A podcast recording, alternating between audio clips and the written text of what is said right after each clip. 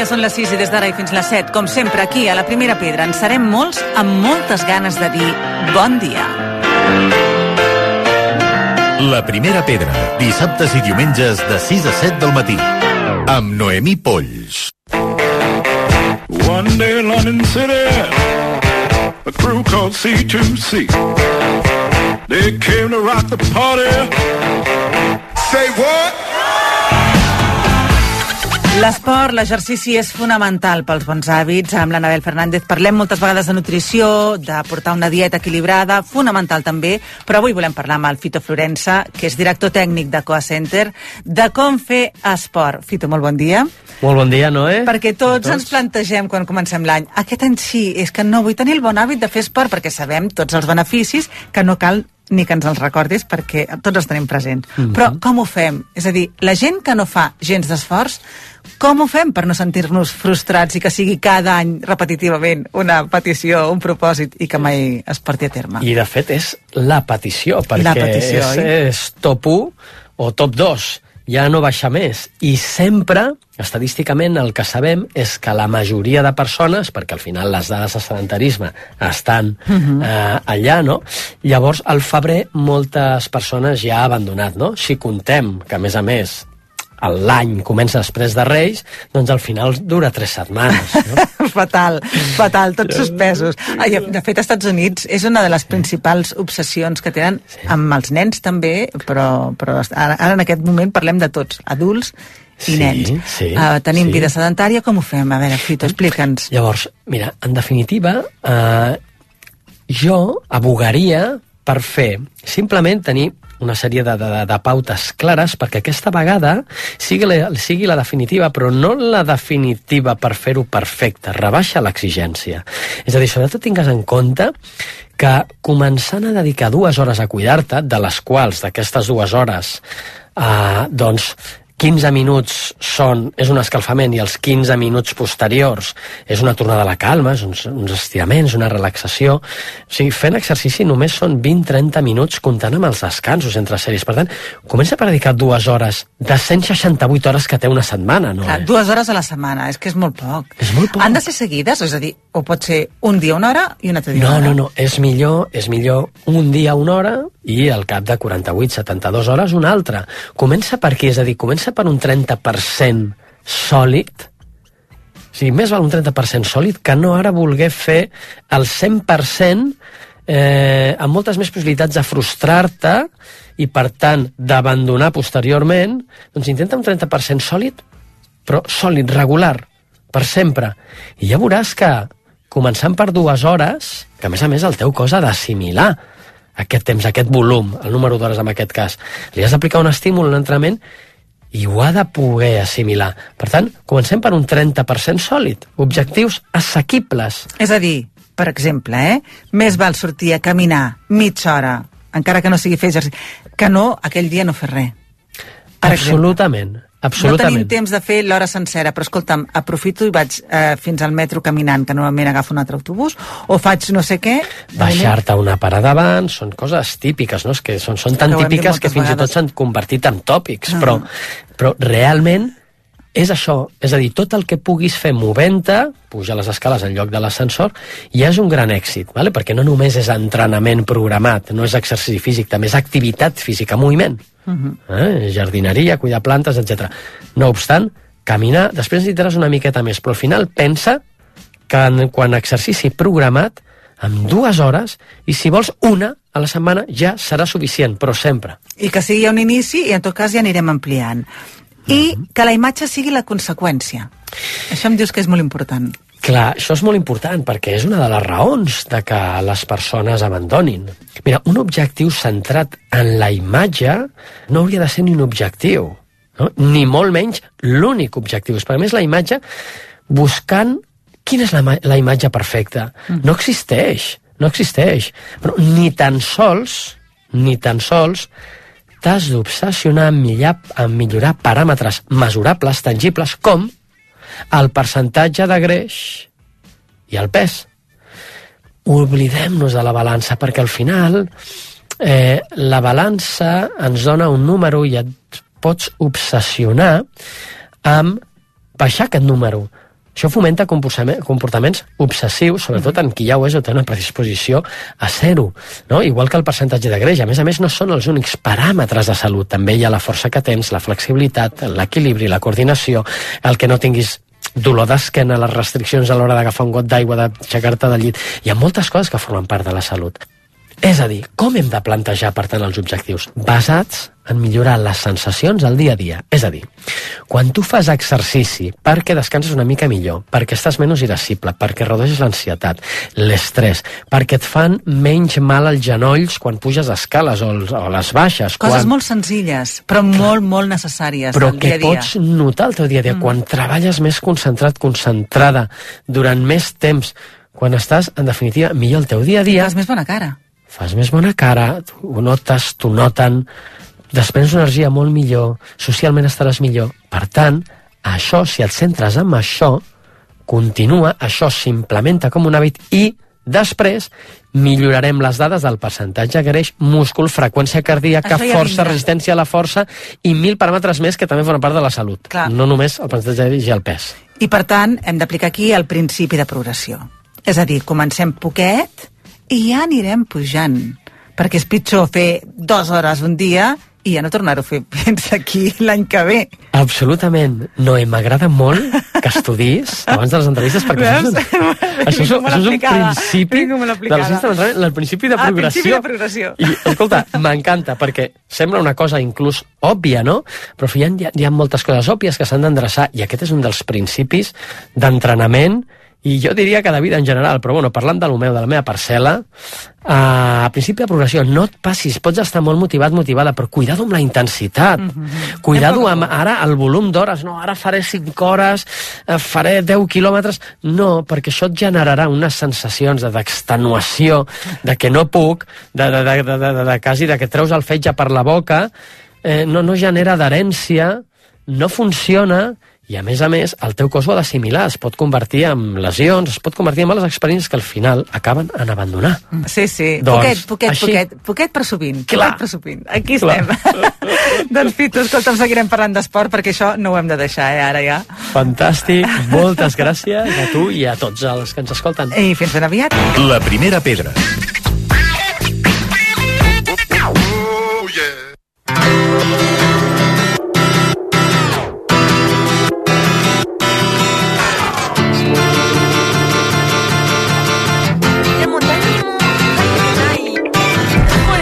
Fa pocs dies parlàvem de que vivim en una societat polaritzada i ho dèiem perquè aquesta justament havia estat triada com a paraula que definia una mica aquesta manera de ser de la nostra societat. I avui volem parlar sobre fal·làcies ad hominem contemporànies. Evidentment, dit així, molts ens hem quedat igual, però per això tenim a la Montse Crespin que ens ho explicarà. Montse, molt bon dia. Bon dia, Noemi. Ella és professora de filosofia i amb ella doncs, ens volem prendre les coses una mica més amb calma i allunyar-nos d'aquesta polarització, d'aquesta poca reflexió que a vegades tendim a fer. I avui parlarem d'un- d'una manera de pensar també molt, molt, molt de la nostra societat i més ara que vindran les eleccions americanes. Sí, sí, les eleccions americanes marcaran aquest any 2024. Els Estats Units tornen a tenir la seva carrera per la presidència i en aquest ambient de precampanya, que és de molts mesos abans, sabem que una persona molt rellevant és el senyor Donald Trump, que va ser president del país de l'any 2017 al 2021. Trump ocupa molts dels titulars i les notícies, doncs, com sabem, tant locals com les internacionals. I a mi, Noemí, i no sé a tu, em sembla que hi ha un fenomen ben curiós i que és habitual entre veus diverses que en fan anàlisis, particularment, novament, als mitjans, però també a les xarxes socials, que és repetir constantment la seva figura, el seu nom, Trump, o la corrent que representaria el trumpisme per simbolitzar o encarnar l'arquetip de la icona negativa i reprovable. Uh -huh. És com un mot paraigües per gairebé tot. I en aquest absorbir qualsevol mal s'utilitza en forma típica d'aquesta fal·làcia ad hominem. Ara entrem una mica més. Què vol dir aquesta fal·làcia ad hominem? Efectivament, anem a definir-la. Una fal·làcia ad hominem consisteix a atacar a la persona en lloc d'allò que afirma. Té com a derivades la fal·làcia ad hominem culpable per associació, o de males companyies, es diu, que ataca la posició de l'adversari d'acord exclusivament en el fet que un argument determinat o una postura és defensada per persones amb una reputació moral o intel·lectual dolenta. Que això, com sempre, simplifica i, per tant, eh, fa que no hi hagi debat, moltes vegades. Cert, al·ludim al debat i, sobretot, com parlàvem de fal·làcia, el que fem és al·ludir també l'argumentació sòlida. Quan diem argumentació sòlida, volem dir una argumentació acompanyada de raonament i evidències. I no al final una fal·làcia que el que fa és caricaturitzar i deixa sense tocar el fons de l'assumpte que sigui. Mm -hmm. I això ha passat també altres vegades, no? Sí, jo parlava de la fal·làcia at Trump, podríem dir-li ara, no? Sí, sí. Perquè té molt a veure amb el que hi ha el filòsof jueu alemany Leo Strauss va dir com a fal·làcia per reductio ad Hitlerium, reducció a Hitler, on qualsevol postura en ser relacionada amb Hitler queda instantàniament refutada. O fixa't, Noemí, avui dia el que se'n coneix com a llei de Goodwin, que diu que si furgues en les seccions de comentaris i en els fòrums de missatges d'internet durant un temps, és gairebé, ens diu Godwin, inevitable que un lluitador, un odiador d'internet, un hater, un hater, volem dir en sí, sí. anglès, compari a algú o alguna cosa amb el nazisme. Mm. Ara diríem que amb Trump. Sí. La llei de Godwin, pel nom de l'advocat Mike Godwin, se sintetitza amb el següent. Fixa't, Noemí. Diu, a mesura que una discussió en línia es fa més llarga, la probabilitat d'una comparació que involucri els nazis o a Hitler s'aproxima a 1. En aquests temps, diríem, la probabilitat d'una comparació que involucri a Trump o al trumpisme s'aproxima a 1. Que, I això en aquests temps eh, fa que moltes vegades acabem fent discussions tontes. Circulars. Si no argumentem. Clar. I el que fem és emprar fal·làcies com aquesta, no? Fal·làcia ad hominem ad Trump, el que fem és trencar qualsevol tipus de discussió. Uh -huh. Ens quedem amb la superfície. Sí, sí. Ah, I la circularitat. Exacte, i la circularitat. Per tant, no avancem. Mm, Ja veurem què passarà amb aquesta carrera cap a la presidència als Estats Units. Estarem molt, molt atentes tu i jo, segur. Exacte, i esperem que no fomentem la polarització i, per tant, la irreflexió. Nosaltres jo crec que en aquest espai Eh, no. no eh, exacte. doncs, Montse, com sempre, en ple. Gràcies, Noemi.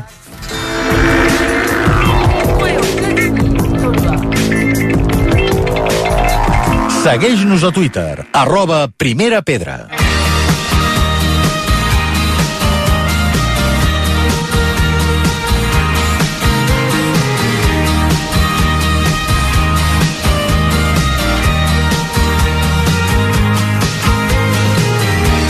Tenim ganes de viatjar i avui ho volem fer cap a Hong Kong. Per què? Doncs perquè mm, hi ha vols directes ja, des de Barcelona i des de Madrid, i en volem parlar amb l'Helena Gatius, que ella és assessora de viatges de Bru en Bru. Helena, bon dia. Molt bon dia, Nani. Això és una bona notícia, perquè ens facilita molt aquest viatge. És Molt bona notícia. Aeroport, d'aeroport a aeroport. Molt fàcil, molt pràctic, molt ràpid, molt confortable, per tant, ho tenim molt fàcil per descobrir una nova ciutat. Exacte, una nova ciutat, per molts, evidentment, desconeguda. No sé si és la millor època de l'any eh, ara, seria millor quan ja anem cap a Setmana Santa... Podríem viatjar Estiu. tot l'any a, a Hong Kong, però per evitar sorpreses a nivell eh, meteorològic, potser l'ideal seria a partir d'octubre-novembre fins al març aproximadament, i la meva preferida és desembre. Desembre, sí? Desembre, pont de la Constitució, cap d'any, eh, són dates que hi ha molt bon clima i la ciutat està espectacular. Sempre és espectacular Sí. Hong Kong, però per què hauríem d'anar-hi? Doncs perquè mm, Hong Kong, diguéssim que és una ciutat on conflueixen mm, moltes cultures, no? La xinesa, l'occidental, per tant trobem mescla de cultura, de tradició, tot es reflecteix tant amb l'arquitectura, amb la gastronomia, eh, és una ciutat super segura, um, molt art contemporani, art tradicional. Ara fa poc van inaugurar un nou museu, el Hong Kong Palace, on podem veure tota la, la història de, de, dels grans emperadors xinesos, no? És una ciutat molt, molt variada. Molt completa, no? Total. Uh, com ens mouríem per Hong Kong una vegada arribem? Doncs uh, Hong Kong és una ciutat que cada vegada és més sostenible. Llavors uh, no volen cotxes, els pocs que Ah, hi ha, que els pocs que hi ha quasi bé tots són elèctrics, però té un sistema de transport públic espectacular i molt eficient. Uh, ens podem moure en metro, amb autobús, amb, en tramvia, amb patinet, amb bicicleta, com sigui, ràpid, segur, eficient, és molt fàcil. Mm -hmm, és fàcil circular, però hem de pensar que, clar, no sé si encara per la influència anglesa circulen per encara, encara. carril. Eh, encara hem d'aprendre a mirar bé. Exacte, això acostuma a ser un hàndicap, eh, Sí. pels que fem l'inrevés. Sí, bueno, després tenen les passarel·les peatonals, que també facilita una mica els que no som d'allà a, a moure's per la ciutat. Sí, Ahà. sí, sí. Uh, quines activitats són imprescindibles en aquesta ciutat? Doncs, uh, mira, actualment uh, Hong Kong ha fet un, un boom a nivell gastronòmic. Llavors, mm, hi ha molts uh, restaurants, estrella Michelin, també tenim el street food, per tant, algo gastronòmic s'ha de fer. Després, com hem dit abans, art, cultura, um, vida nocturna és també molt, molt activa. I hi ha una part que a mi m'agrada personalment moltíssim i és que la ciutat de Hong Kong està envoltada de muntanyes i ens donen l'oportunitat de fer moltes caminates, senderisme, anar a veure, per exemple, el Gran Buda, que també es pot fer una ruta caminant, en bici, per tant, podem fer una mica una mescla. Que seria un contrast eh, amb la ciutat impressionant, amb els Molt. edificis Sí. aquests que gairebé et fan molt petit a tu Sí. i després passar Sí. a plena natura, no? Sí, totalment. Eh, Hong Kong és famós per les seves oportunitats de compres, també. Quins mercats són imprescindibles pels compradors a la recerca d'experiències boniques? Doncs no recomanarem cap mercat, Ah, sinó no? recomanarem experiències. És a dir, si, si tu em dius, pues, nosaltres ens agrada molt la gastronomia, doncs buscarem i crearem una experiència per, per, per vosaltres enfocada en els mercats eh, més importants a nivell gastronòmic, perquè no té sentit que anem a un mercat d'artesania quan t'agrada la gastronomia. Es perdria el temps eh, mirant coses que no Exacte, t'interessen. o si vols, per exemple, moda, doncs anem a l'atelier d'aquell dissenyador de moda mm, personalitzat, fas un vestit a mida, per tant, l'oportunitat de compra està, però per nosaltres és més important que sigui personal depenent dels gustos que, que cadascú tingui. Fantàstic. I què podries dir, per acabar ja, que t'ha impressionat més d'aquesta ciutat, de Hong Kong? Doncs encara que sembli un tòpic, els Monster Buildings, no? edificis de més o fins a 80 metres d'alçada, eh, de, perdó, mm, 80 pisos. Eh, amb, 80 pisos, eh? Nosaltres 80. estem a la planta 15 i ens pensem que estem alts. 80. amb un terreny que no és més gran que Barcelona i hi ha 8 milions d'habitants, o sigui, és impressionant. I sobretot, fent referència a tots aquests habitants que hi ha, la neteja de la ciutat és increïble. Està neta. Perfecta. Està increïblement neta, polida, per la quantitat de gent que hi ha, que viu i que visita, perquè hi ha molts visitants també, o sigui que um, són dos punts amb els quals hem de, hem de tenir en compte. Hi ha moltes coses que fa que Hong Kong sigui Sí, realment sí. molt, molt, molt seductora i nosaltres Sí. hem volgut parlar avui amb l'Helena Negatius, que ella és assessora de viatges de Bru en Bru. Moltíssimes gràcies, Helena. De res a vosaltres, com sempre.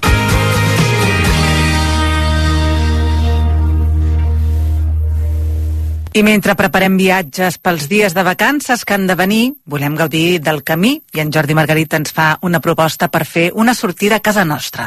Bon dia, Jordi. Bon dia, Noé. Quan pensem en fantasia, què és el primer que ens ve al cap? Probablement imatges d'infants. Potser, potser un viatge a un parc, cases encantades, personatges d'animació, paratges irreals que tant podien provocar admiració com un xic de por. Doncs aquest és el propòsit d'avui.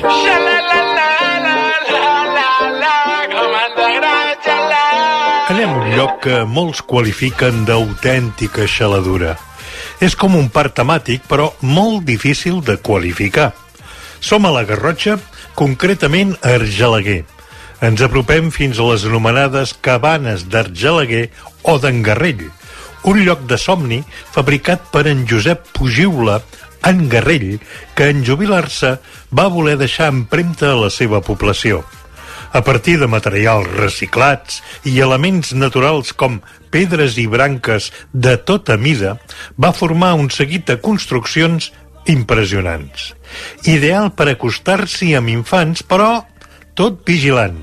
És lliure i en plena natura. Aixalà!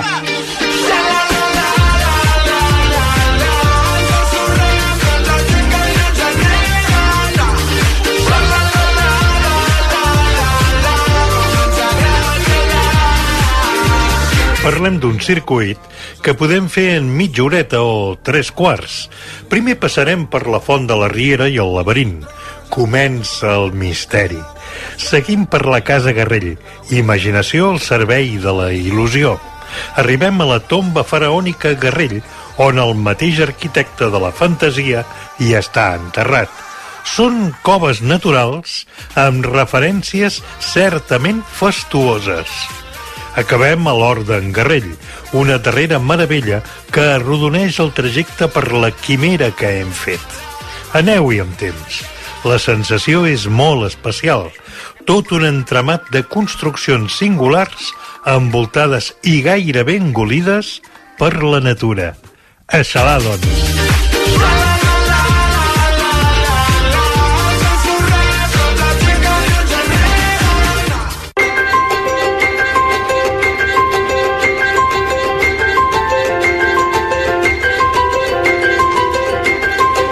A la primera pedra ens encanta remenar llibres, fer-vos propostes de lectura i, de fet, Vient Edicions ja va treure un petit ple, el darrer petit ple, que es diu Neu de Tardor. Ara venen amb novetats i per això volem que, que la Blanca Pujals ens ho expliqui. Ella és l'editora de Vient Edicions, concretament d'aquests petits plaers també. Eh, Blanca, bon dia. Bon dia. I tenim moltes ganes de que ens expliquis novetats, perquè volem parlar d'aquesta eh, autora, d'aquest últim eh, petit plaer, que sempre ho peten, els petits plaers, que és Neu de Tardor, i, i eh, parlem d'Irene Nemirovsky. Sí, moltes gràcies per convidar-me a parlar sempre de llibres, però en concret d'Irene Nemirovsky per mi té un component emocional bastant important poder reivindicar aquesta autora, perquè és una autora que va patir dues vegades la persecució, perquè és una autora que va néixer l'any 1903 a, a Kiev, a l'antic imperi rus, i el seu pare, a més de ser jueu, era una de les persones més riques de, de Rússia i quan esclata la revolució bolxevic doncs posen un preu al seu cap. Ell amb la seva família han de fugir cap a París però s'ha de dir que Irene Nemirovsky no té cap problema d'adaptació, que diria, home, sent russa, com és que entra directe a tota la societat francesa, es matricula a la Sorbona Lletres, treu notes excel·lents i, i està totalment integrada? Doncs perquè durant tota la seva infància la seva mare no va voler saber res d'ella perquè ella no tenia cap mena d'instint maternal i no volia ser mare, va ser perquè les convencions socials doncs, l'obligaven a ser-ho i qui la va criar realment va ser la seva mainadera, que la seva mainadera era d'origen francès i, li, i ella per ella la seva llengua materna era el francès abans que el rus. Llavors, quan va començar a escriure, ho va fer justament en francès. En francès. Perquè ella va començar a escriure i crec que va publicar el primer llibre en 20 anys, que era David Bol Goldberg, i el segon en 21, i van ser bestsellers, però bestsellers mundials. Va passar a ser Imagina't. una de les autores més venudes de, de tot França. I sobretot en aquests primers relats, ella escriu molt el que coneixia, que era aquesta classe alta parisenca i també els exiliats jueus que estaven a Rússia. Llavors, amb Neu de Tardor és un relat bellíssim sobre l'exili d'una família que es troben immersos amb, amb la revolució bolxevic i que han de, primer els fills han d'anar a la Primera Guerra Mundial i després han de fugir perquè eren una família aristòcrata i han d'anar a París. Llavors explica molt bé com s'adapta cadascú mentre la família s'adapta millor hi haurà una mainadera a la qual la tracta amb molt de carinyo que no acaba d'entendre per què ella està en octubre, per què estan a novembre i no cau la neu de tardor, perquè no arriba la neu a París. És un llibre preciós, és un petit plaer encantador d'aquests que et fa tornar a estimar la lectura i, i et deixa un final, bueno, et deixa impactat, no? Estàs uns, no us vull dir cap spoiler, però estàs uns dies amb aquesta família al teu Amb cap, sobretot amb, amb aquesta mainadera tan, tan bona. I el següent llibre que va treure va ser, això t'ho dic en exclusiva, no, Ah, atents, atents, atents, que, Atents. que Viena té exclusiva i això els agrada molt als nostres lectors. Agafeu paper i boli perquè el següent llibre va ser el següent que va treure Irene Nemirovsky, que també va ser un bestseller total, que és El malentès. Mm. Perquè Irene Nemirovsky, a part de parlar francès, rus, saps quin altre idioma parlava? Euskera. Ah, caram, caram anava a dir Perquè- anglès, euskera no ho hagués dit mai a la Euskera, vida. I com perquè és? estiuejava a Biarritz, perquè la Ah. classe alta parisenca estiuejava Ah, a Biarritz, i com que era una noia espaviladíssima, doncs va aprendre també Caram, basc. mira, encara ens cau millor. Encara ens cau millor. I justament aquest llibre comença a Biarritz amb un amor d'estiu. Però a veure com, com de continuar aquest amor un cop arriben a, a París. No us dic res més perquè La portada és un llibre m'encanta. És eh, una noia amb traig davant d'aquells de, de anys l'època, eh, 20, dels anys brutal. 20, amb, amb aquest gorret també Sí. de, de, de banyar-se i que el cabell els hi quedés Exacte, impecable. perfecte. Després quan sortia això ho hauríem de recuperar a vegades. És que tenim el cabell rissat. Sí. No t'estranyi que torni. Doncs afortunadament va ser molt jove i va començar a triomfar perquè va morir també molt jove. Sí, perquè ara us estic explicant això i sembla que la vida de somriure, no? Perquè a més a més va tenir molta sort en l'amor, es va casar amb un home encantador que l'estimava moltíssim, va tenir dues filles, sembla doncs això, autora bestseller, rics perquè eren molt rics, però mm, arriba al govern de Vichy i el seu nom comença a estar en totes les mires i li prohibeixen editar, li prohibeixen escriure, li prohibeixen publicar, al seu marit li prohibeixen també treballar, llavors agafen les nenes i se'n van al poble justament de la mainadera que ella tenia per les seves nenes, que era una dona excel·lent i la mare també i tota la família, que els acullen i els amaguen durant dos anys a la Borgonya.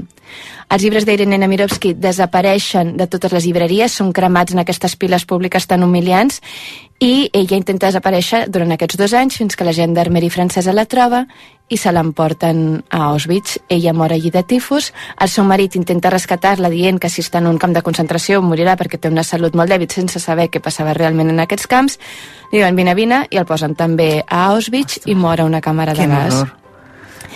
Eh, les seves filles, gràcies a Déu, aconsegueixen sobreviure perquè entre la mainadera i amics dels pares aconsegueixen que eh, exiliar-se als Estats Units i la mare en una de les seves últimes cartes els hi diu sobretot no us desprengueu d'una maleta, d'una maleta que contenia uns manuscrits amb la llet, amb l'estimada lletra blava de la mamà, no? que li deien aquells manuscrits, què passa? Que elles tenen molta por pensant que això serà un diari íntim i no volen obrir aquell manuscrit pensant que no volen doncs, entrar en aquesta intimitat.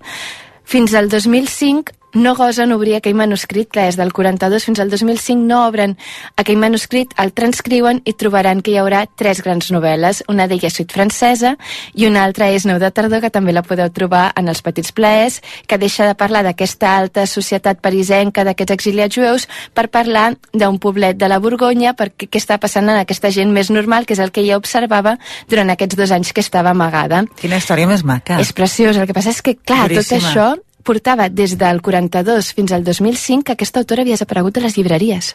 L'antisemitisme i el feixisme havia triomfat.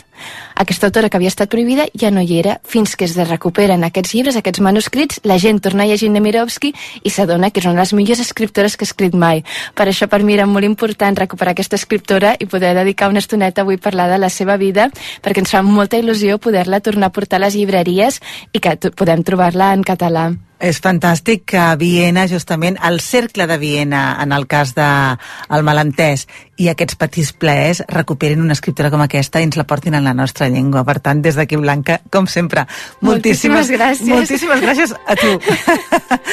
que vagi molt bé. Moltes gràcies, adeu.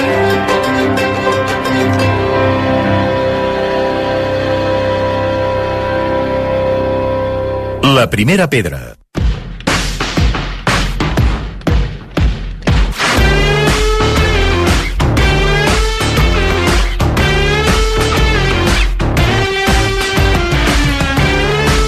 Parlat moltes vegades que és important ensenyar als nens habilitats financeres des de ben petits per ajudar-los justament a entendre la importància de gestionar els seus diners. Avui en parlem amb l'Eduard Conti. Edu, molt bon dia. Molt bon dia, Noé, què tal? Quines mancances creus que tenen els nens en relació a aquesta gestió dels diners? Sí, per respondre ens veiem obligats a generalitzar, ja sabem que hi ha Ja, de tot, però, clar. però jo crec que, que sí que hi ha com algunes característiques que podem considerar generals, jo en destacaria quatre.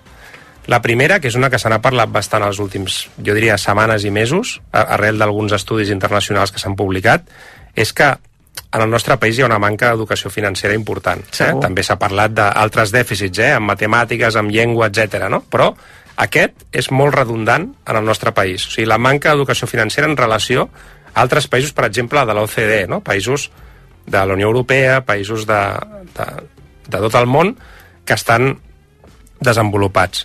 Llavors, aquesta manca d'educació financera es deu, per exemple, a que és una àrea de coneixement que les escoles catalanes no ensenyen als nostres fills. Eh? Això és una, una realitat, no forma part del currículum acadèmic.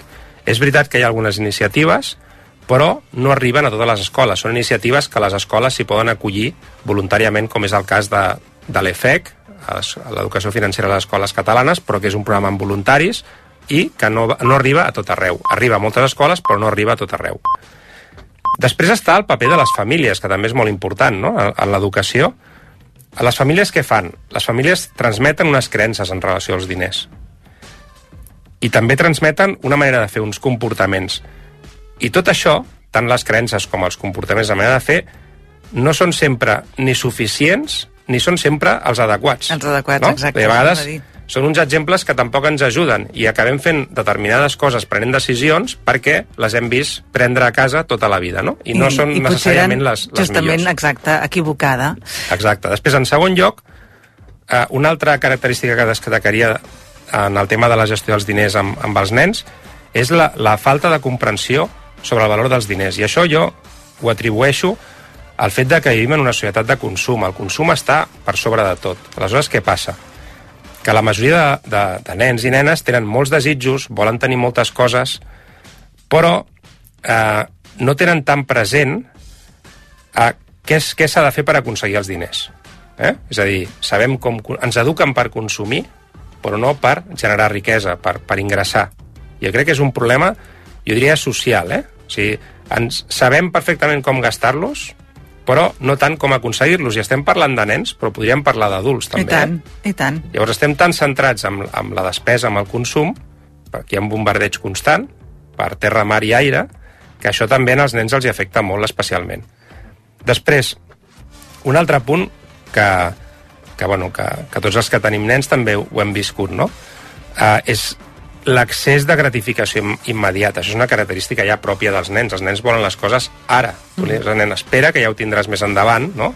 Sempre hi ha aquest dilema a moltes cases, per exemple, entre si els regals s'han de fer per Nadal o per Reis. Sí. I moltes vegades l'argument és, home, fem-los per Nadal, que així podran jugar fins a Reis. Però jo, quan era petit, els regals venien, venien per Reis. Sí, sí. I està I- molt bé, perquè et passaves els dies Sí, esperant, aprenies exacte. a esperar.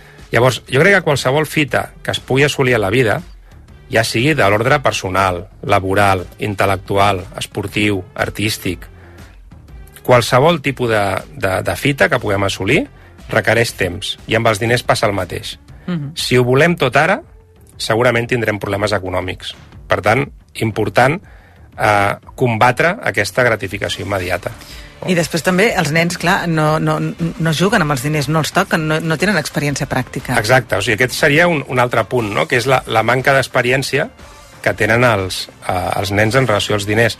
Si no deixem que els nens es relacionin eh, amb els diners físics o, o inclús digitals, no? perquè de fet el concepte del diner també ha anat canviant, també n'hem parlat aquí molt, no? del diner físic, com està desapareixent, però bueno, en, relació, en general la relació amb els diners s'ha d'anar incorporant molt aviat, no s'ha d'esperar a que els nens vagin a l'institut, s'ha de, de començar aviat, i els hi hem d'ensenyar a gestionar un petit pressupost. O sigui, els hi hem d'ensenyar, per exemple, aquesta gratificació immediata, una forma de, molt fàcil d'aprendre-la és entregar uns diners i, que, i aconseguir que el nen o la nena no se'ls gasti al cap d'una hora, sinó que els administri durant un temps. Exacte, no? Els la allargui. setmanada, el que havíem parlat moltes vegades, la setmanada. Exacte. Mhm. Per què? Perquè si, si, no, si no hi ha aquesta experiència pràctica, això farà que sigui molt difícil comprendre el valor dels diners i també el funcionament de les transaccions, o sigui, com funciona l'economia, no? I per tant ens dones algunes pautes per gestionar les finances, les finances amb els nens? Sí, mira, hi ha, hi ha algunes pautes que eh, potser te'n donaré també alguna de pràctica. Jo crec que hi ha, hi ha alguna molt conceptual que per mi és molt important, que és que s'ha de millorar molt la comunicació a les cases sobre els diners. Aquest és un tema que també no l'hem parlat a la secció. I tant. S'ha de poder parlar de diners amb els fills, s'han de mantenir converses obertes, s'han d'acceptar preguntes. Jo penso que els nens, a partir de certes edats, han de saber quina és la, seva, quina és la situació econòmica de la família en la qual viuen, i això no sempre passa. Ja ho No. saps, a vegades... Els, eh, els volem protegir i estem fent malament, justament, No perquè a vegades compartint aquesta inquietud eh, pot, eh, pot fer-los més, més còmplices, no? També ens poden ajudar, fins i tot. Clar, nosaltres hem, hem- no els hem de subestimar, Mhm. els nens. I Han de saber què passa. Aquest proteccionisme o aquesta sobreprotecció el que fa és subestimar la seva capacitat d'entendre Mhm. la situació econòmica de casa. I les situacions econòmiques de, de, de les llars, igual que passa amb, amb les empreses, amb els països, etc, eh, són cícliques. Hi ha èpoques millors i èpoques pitjors. Mhm. I quan hi ha una època dolenta, a, a casa ho ha de saber tothom, també els més petits. També hem de tenir clar el comportament que fem nosaltres com a pares, que serà el mirall d'ells. Clar, nosaltres som el, el, el principal exemple que ells tenen. Uh, i, I a més a més, això també determina el, allò que ens parlava de les creences, no? Les creences que tinguin els nens, o quan un cop es fan grans respecte als diners, eh, tindran un pes molt gran després quan hagin de prendre decisions ja més importants. Eh, els nens aprenen observant el comportament dels adults i sobretot dels seus pares. Això té una empremta importantíssima. Llavors, nosaltres, si tenim fills, n'hem de ser conscients i hem d'intentar eh, que, sigui un, que el nostre exemple sigui positiu, que sigui un exemple del qual puguin, puguin beneficiar-se en el futur. No? També, ara ho dèiem, establir una setmanada o una mensualitat.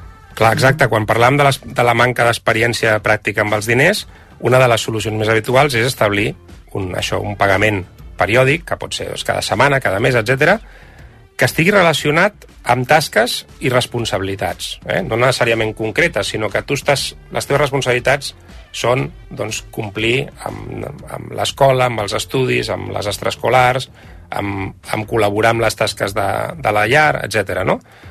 Um, tot això els hi ensenyarà la relació entre el treball i la recompensa. És a dir, els, els éssers humans funcionem molt per incentius. És una, un dels motors de la societat i, a més a més, és molt útil. No? Jo, jo, per exemple, sóc molt partidari dels incentius a les retribucions dels treballadors, no? perquè penso que el que fan és augmentar Motiven. la productivitat, el rendiment, fa que un estigui més satisfet, més motivat, etc. No? Doncs això ho hem de, de també ensenyar des de que som petits. Uh -huh. I marcar límits en les despeses, evidentment. Clar, o sigui, nosaltres els, els, els hi donem els diners perquè els administrin, però també hem de ser conscients que són petits, són menors d'edat, i per tant hem de marcar unes normes també en la gestió dels diners. No és una barra lliure, en plan, té, aquí tens aquests diners, fes el que vulguis amb ells. També és important que hi hagi unes normes. No, no t'ho gasti, no gasti tot, tot amb llaminadures, no? Per exemple, Exacte. compren alguna, però si et dono 5 euros, no te'n vagis a baix i em tornis amb una bossa de mig quilo de llaminadures perquè això no és bo ni per la salut i a més a més elimina la teva capacitat de comprar altres coses, no? Amb Clar. la qual no seria, no seria molt, molt adequat. I jo crec que tot això, no? donar aquests límits i normes, el que fa és proporcionar una estructura i els hi ajuda, als nens, a desenvolupar hàbits financers que seran positius. I finalment això, fer que estalvin per objectius concrets també els pot ensenyar molt, no? Clar, exacte, o sigui, per anar-te'n a comprar unes llaminadures no fa falta estalviar molt. Però si hi ha una cosa que et fa molta il·lusió comprar-te i no vols esperar al teu aniversari o als Reis, etc i ho vols tenir ja, aquí toca estalviar.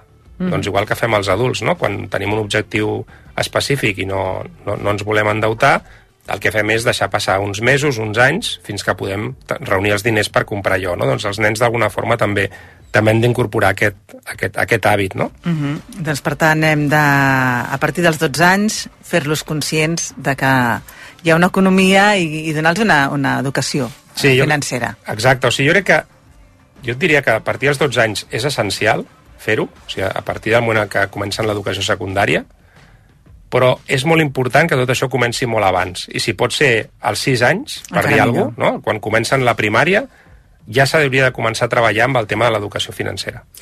Doncs, eh, com sempre, eh, un plaer parlar En aquest cas hem tractat el tema dels més petits, que a vegades els oblidem i que també han de tenir aquesta educació financera fonamental que els ajudarà i els permetrà ser després uns adults responsables econòmicament.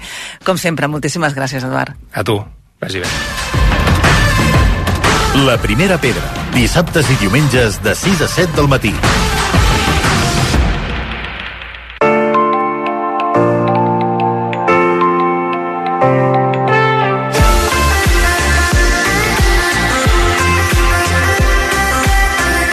Agrada mirar el cel i avui volem parlar de tots aquests satèl·lits que agafen imatges nostres, és a dir, del nostre planeta, a través de ben lluny. En volem parlar amb el Guillem Sánchez, ell eh, és investigador júnior del projecte Mara. Guillem, bon dia. Hola, molt bon dia. I volem parlar, en primer lloc, de què és el projecte Mara, perquè tenim clar que hi ha tot de satèl·lits que agafen imatges del nostre planeta i especialment n'hi ha un que, va, que Catalunya va posar en òrbita, que és el Menut, però volem que ens expliquis una mica um, per què el projecte Mare és important i què té a veure amb aquests satèl·lits i amb aquestes imatges. Doncs bé, el projecte Mare és, es va presentar a un concurs, el primer concurs d'idees de casos d'ús de l'observació de la Terra pel sector privat, el qual es va, es va organitzar l'any passat per l'Institut d'Estudis Especials de Catalunya. Uh -huh. Aquest projecte començarà el, aquest 26 de, de gener Per tant, d'aquí ben poc. Sí, d'aquí ben poc, o sigui, és recent. I es durà a terme junt amb col·laboració amb altres dues entitats catalanes, les quals són l'empresa d'aigua Sagarra Garrigues i la Societat Agrària del Consell Regulador de la, de la denominació d'origen de la Terra Alta. Uh -huh. Però bé, en què consisteix aquest projecte? Clar, jo crec que això sí. ens ha donat algunes pistes, podem intuir, però explica'ns-ho tu. L'objectiu i el que volem pretendre amb aquest projecte és millorar el monitoratge actual de la sequera a Catalunya, que és un tema doncs, que ens preocupa bastant. Si d'aquesta manera, si millorem el monitoratge, podem, d'una banda, optimitzar les recomanacions de rec i d'altra, afinar les estimacions del rendiment dels cultius. Uh -huh. Exacte, perquè aquestes, aquests satèl·lits estan agafant imatges que nosaltres podem eh, utilitzar per facilitar una millor gestió de l'aigua. Exacte. I que alhora també suposo que va de la mà d'analitzar aquesta productivitat dels cultius i dels terrenys a casa nostra. Totalment. O sigui, el que volem fer és, amb una millora, diguem-ne, si tenim una millor resolució o un millor anàlisi de l'estat de la sequera doncs, de les nostres parcel·les de conreu, podem optimitzar doncs, les recomanacions de rec que fer doncs, als diferents pagesos i alhora doncs, així evitar malgastar aigua de més. Nosaltres parlàvem del nanosatèl·lit eh, al Menut, mm. però mm, fareu servir moltes imatges, perquè diríem que amb aquestes, que potser són més concretes, eh, van mirant més cap al nostre territori, no en tindríem prou. Exacte, o sigui, tenim un problema relacionat amb la detecció de, bueno, imatges de la humitat del sol a través dels satèl·lits. I és que aquí a la zona mediterrània els diferents sensors que tenim per obtenir la humitat del sol tenen una resolució bastant baixa. Sigui, un dels satèl·lits que es fan servir més en aquest àmbit és, es diu ESMOS, que és de l'Agència Espacial Europea, i té una resolució espaial de 40 quilòmetres, és a dir, que el píxel de la imatge, tant d'amplada com de llargada, fa 40 quilòmetres, que sí, que et dona una imatge general, però no pots filar prim. Aleshores, el que farem nosaltres és, a través d'un algoritme, combinar diferents imatges de satèl·lits, i un d'ells és el menut, fins a obtenir doncs, un monitoratge de la sequera a una resolució espacial de 5 metres. I obtindrem aproximadament aquestes imatges en un període temporal de 5 dies. L'espai en el que treballareu és tot el territori de Catalunya o més, no, menys? No, concretament eh, generarem, o sigui, en el, dins del projecte Mare generarem aquestes imatges d'humitat del sol per la Terra Alta i per la, doncs, la comunitat de Sagarra Garrigues. Però un cop estigui implementat aquest algoritme i tot aquest procés, es, pot, es podria generalitzar a qualsevol part de, de Catalunya. I per què és rellevant monitoritzar la sequera? Doncs bé, sí, jo crec que és força evident que actualment estem en un moment... És el gran problema Sí, estem que tenim. en un episodi de sequera força important uh -huh. i sobretot el recurs de l'aigua doncs és un bé una mica que està ja escàs, podríem dir. Uh -huh. Aleshores, si podem monitoritzar de manera correcta doncs, com està l'estat de la sequera dins de, doncs, de les parcel·les de conreu i a l'hora d'optimitzar doncs, l'ús d'aigua podem evitar doncs, això, fer un mal ús de l'aigua i doncs realment l'única manera que tenim ara per combatre la sequera és fer un ús intel·ligent d'aquest recurs que tenim. Per tant, el projecte Mare ens ajudarà a fer aquest ús intel·ligent. Eh, recordem que eh, justament el que pretén aquest projecte, que acaba de començar, que de fet eh, eh, d'aquí uns dies es posarà en funcionament, és eh, precisar més, filar més prim a nivell d'imatges del, del panorama que ens presenta aquesta sequera.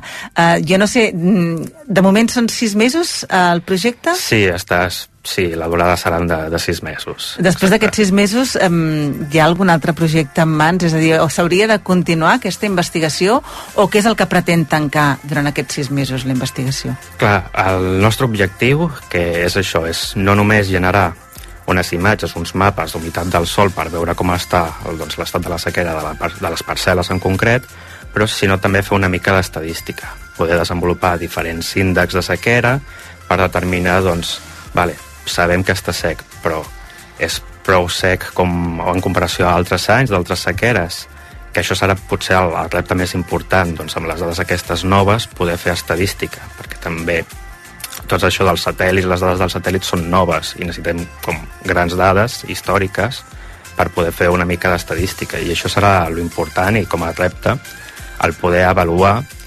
i, i també poder decidir de com actuar en aquestes situacions.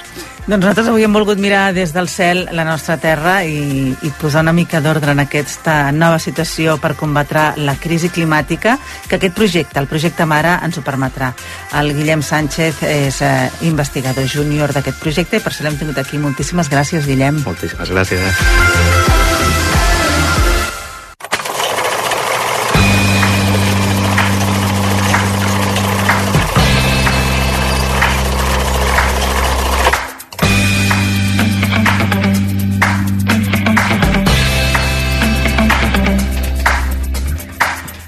Ganes d'anar al cinema dissabte. Joan Maria Moros, bon dia. Bon dia. A més a més és que tenim els Oscars aquí mateix Sí. i volem saber Què? què en penses de segons quines pel·lícules. Doncs eh, de la majoria ja n'hem anat parlant aquí a la secció. El que passa que ens en faltava encara alguna de la llista de, de nominacions que vam conèixer dimarts d'aquesta setmana, que és la que, eh, de la qual en parlem avui. Diguem-ne que entre les grans és una que aquí ens va arribar ara fa uns quants dies i que és... Eh, D'Orilla. És, és d'Orilla, eh? És d'Orilla. Es diu eh, The Zone of Interest. Kräuter, auch Rosmarin, hier ist rote Beete, die- das ist Fenchel, die Sonnenblume, ja. Und hier ist der Kohlrabi, die Kinder essen wahnsinnig viel Kohlrabi. Die herrliche Zeit, die mir im ho veiem bé. The Zone of Interest, la zona d'interès. Um, és del Jonathan Glazer, una, a partir d'una novel·la del Martin Amis, i aquí explica el dia a dia d'una família que està a costat d'Auschwitz. Val? Um, les interpretacions, la veritat és que de, dels dos uh, actors principals, sobretot, aquí hi veiem la Sandra Hüller, que és la que fa de dona, de, és a dir, la mare de, de família, d'aquesta família que viu al costat d'Auschwitz, és l'actriu d'Anatomia d'una caïda, que m'ha parlat ja fa unes quantes setmanes i que també és una de les pel·lícules que arriba als Oscars. I aquí, um, és que és, és, uh, és molt bèstia. Sí? Sí, el, el el que fa és sobretot jugar molt amb, amb el que és l'estètica, sobretot eh, la pel·lícula comença d'una manera molt impactant, té alguns eh, moments que són estèticament molt potents al llarg de, al llarg de la pel·lícula, però sobretot és mostrar la normalitat en què viu aquesta família al costat, al costat d'Auschwitz, mentre a dins, per exemple, estan cremant els jueus. Sí, sí. Davant de l'horror, com es pot viure eh, com si no passés res. Doncs com, com ells. Mhm. Absolutament com res. És a dir, la seva preocupació és que aquesta casa, per exemple, eh, i, i tampoc no desvetllar una gran, una gran història, però um, com creixeran les plantes que arribaran a tapar, no, no, que arribaran a tapar la paret d'Auschwitz i aleshores, és a dir, no veuràs aquesta paret tan lletja aquí. Saps què vull dir? És a dir, tu tens el jardí i aleshores no, la, ja, ja creixen les plantes, n'hem posat aquí, el que passa que ara estan allò com naixent, però arribarà un punt que tot això es veurà verd i que no veurem aquesta paret de, de, de, de, que no es diu ni de, ni de què és, i llavors anem escoltant els crits, els sons, i sobretot l'explicació també de la construcció del, del crematori. És que és molt bèstia. És a dir, és com, eh, com quan tu i jo eh, parlem d'anar a dinar qualsevol dia d'aquests, doncs, doncs aquí i allà, perquè fan això, perquè fan allò. Mm, és que quedes clavat, quedes cl- clavat a la cadira. Doncs eh, interessant també A la- l'argument, esperit sí. crític que ens farà obrir una mica a vegades els ulls. Eh, sí, sobretot, què. sobretot això, eh? és a dir, veure com, com, com s'explica i l'estètica, sobretot, que fa servir en Glazer. Els BAFTA, evidentment aquesta és una pel·lícula britànica, doncs ha tingut eh, unes quantes nominacions entre el director, l'actriu secundària, a, a banda del guió, fotografia i muntatge, disseny de producció, so i pel·lícula. Eh, també en parla no anglesa, perquè l'idioma d'aquesta pel·li és, eh, és alemany, com hem escoltat amb el tràiler, a més a més de millor eh, film britànic, tenen moltes categories, els BAFTA, moltes més que no pas els Oscars, eh, i aleshores aquí pots anar, pots anar sitjant tot arreu. I pel que fa als Oscars, evidentment, pel·lícula i direcció també pel Jonathan Glazer, i després també participa a pel·lícula internacional, guió adaptat i millor so. Doncs, Joan Maria... Sí, des d'on no havia interès al cinema, Sí, senyor. i demà, si et sembla, fem, Sèrie televisiva. fem una sèrie, sí. Fa- Fantàstic. Doncs que acabis de passar un bon dissabte. Igualment. Fins demà. Adéu.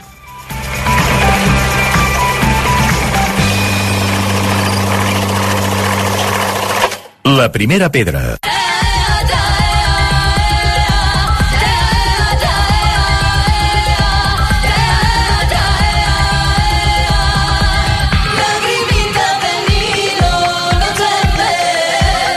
Jordi Ramos, a mi aquesta m'agradava, mira.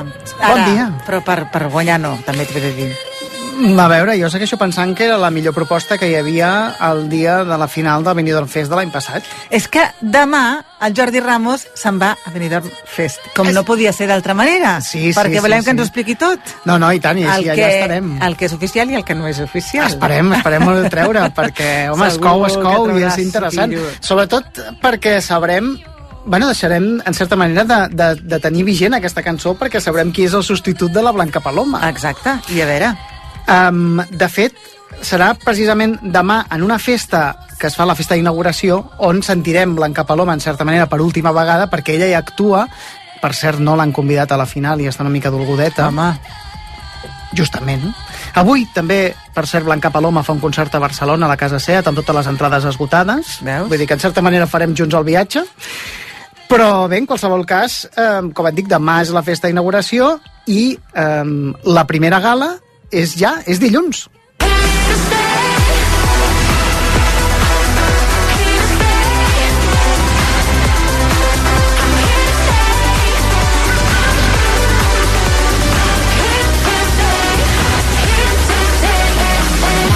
Molt bé, la Sofia Coll. Mm -hmm, allà és on veurem a la Sofia Coll, precisament. La primera semifinal, que començarà a tres quarts d'onze de la nit, a la U. Participen vuit cançons i la favorita, a hores d'ara, és aquesta, la catalana, però també hi haurà Angie Fernández. M'agrada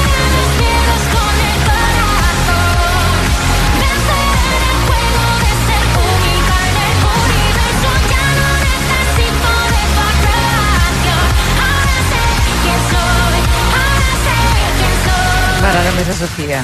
Bueno, és la, no és tan favorita, però és Jo em una de les mullaré, artistes... Jo em mullaré, eh? em sembla En tota- estupendo, en tota clar la, que sí. La secció em penso mullar, mira. Home, jo aquesta te la destaco bàsicament perquè és una de les artistes més conegudes del concurs. Ella ha participat a sèries, a talents, a tocar a Me Suena, porta aquesta Sé quién soy, però no te n'oblidis de la zorra. Estoy en un buen momento. Solo era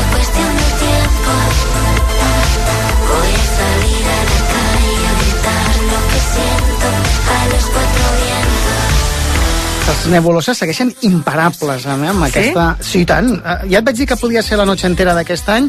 Jo crec que em vaig equivocar. Potser semblaria més a la Rigoberta, Sí, saps? sí, a, sí, sí, sí. a l'Ai Mamà, perquè Zorra, elles mateixes han dit no? que, és, que és un crit d'empoderament feminista. És més provocador, com ho va fer en el seu Sí. moment la Rigoberta Bandini. Exacte, i comparteixen més a, aquest missatge, veurem si ho aconsegueixen. A mi ja m'han dit que hi ha llocs, a Madrid, per exemple, que sona a tot arreu aquesta cançó, per tant això li pot arrencar vots, o no, perquè al tanto que també hi ha mantra.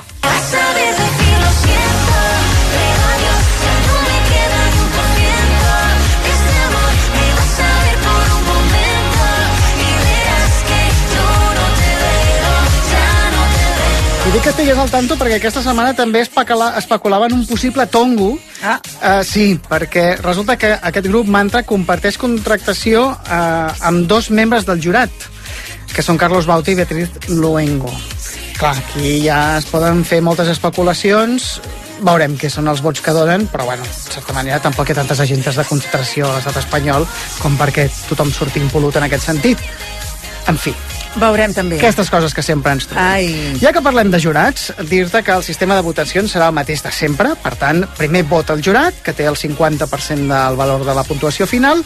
Després hi ha el jurat demoscòpic, te recordes aquella mostra Sí, de 100 tant. persones escollida per fer una mena de representació objectiva de la societat espanyola, això té un 25%, i finalment el vot que facis el tu... el nostre. Exacte, el de tot el El públic. de cadascú, individualment. que té un 25% de final. Per tant, d'aquests 8 que participen dimarts a la primera semifinal, en surten 4, però en falten 4 més.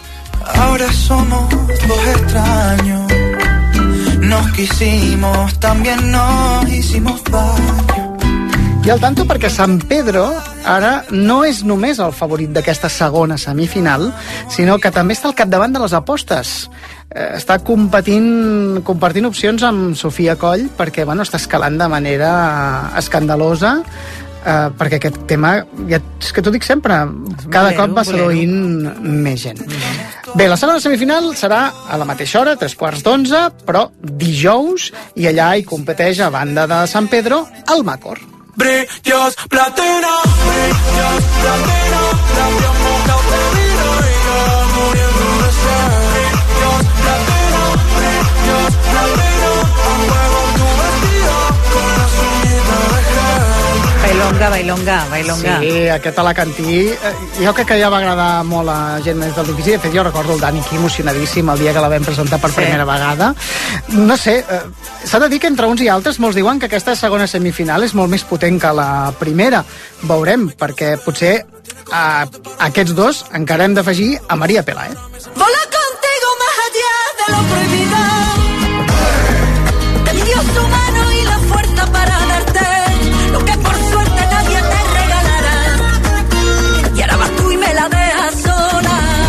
Hem de dir que el flamenc no ha funcionat mai a Eurovisió. No Bueno, sé per però què hi insistim gent- tant. hi ha gent que mi segueix molt fan. Però, no, és que a mi m'agrada molt, però oh, si sempre fracassa serà per alguna cosa, no? Sí, jo t'he de confessar que això també també ho penso. L'experiència de Blanca Paloma ens va dir molt, però mm, aquesta és Maria Pelae. Maria Pelae eh, ha fet temes en rock flamenco, aquí ha agafat una cosa més, més pura flamenca. S'està queixant una mica a les entrevistes que li estan dient molt precisament això, no? de que què fas defensant el flamenco quan va passar el que va passar amb Blanca Paloma. Ella diu que, bueno, que el flamenc és un art i que pot funcionar molt més enllà de Blanc, de, del que va passar l'any passat. Jo crec que com a mínim un any podríem fer pausa, però s'ha de dir que té molts fans, que està No, no, que bastant, segur va estar bastant amunt a les apostes i que sí que és una de les favorites de, de dijous. Um, a tots aquests encara li podem sumar un altre, que és Jorge González. Y vuela, vuela sin bajar, todo el mundo a vivir el presente. Traigo el fuego caliente. Sube, honey, mucho pare, que se pare. Ui, això és un tipus Chanel, una mica, no? Sí, jo crec que has fet una aportació molt interessant, Sí. sí. perquè francament és que de coses antigues aquest home s'emporta la palma.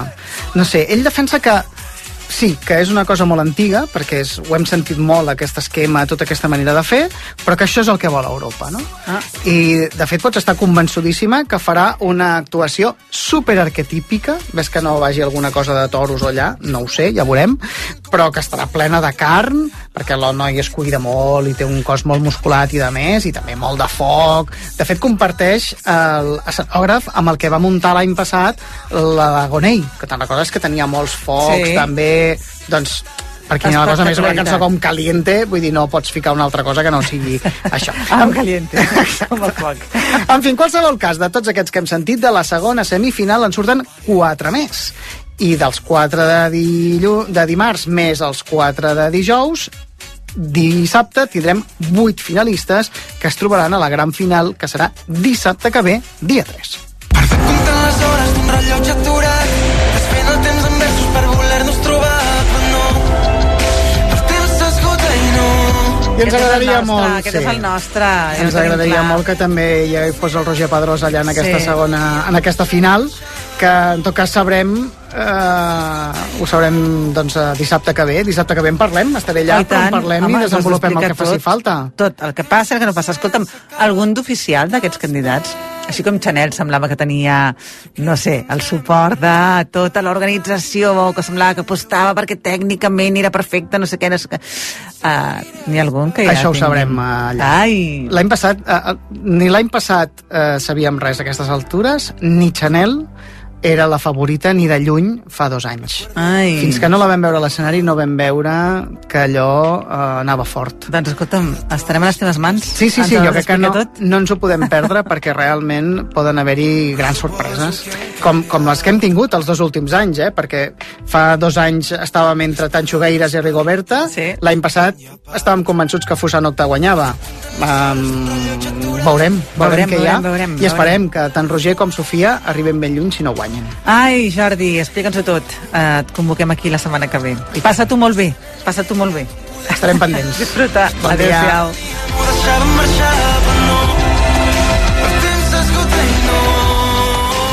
A CaixaBank sabem que acompanyar-te és estar amb tu sempre que ho necessitis. I com que volem que protegeixis el més important, et mantenim el preu de les assegurances de salut i de vida i de l'alarma Securitas Direct sense pujades durant 3 anys. Informa't en la teva oficina o a caixabank.cat.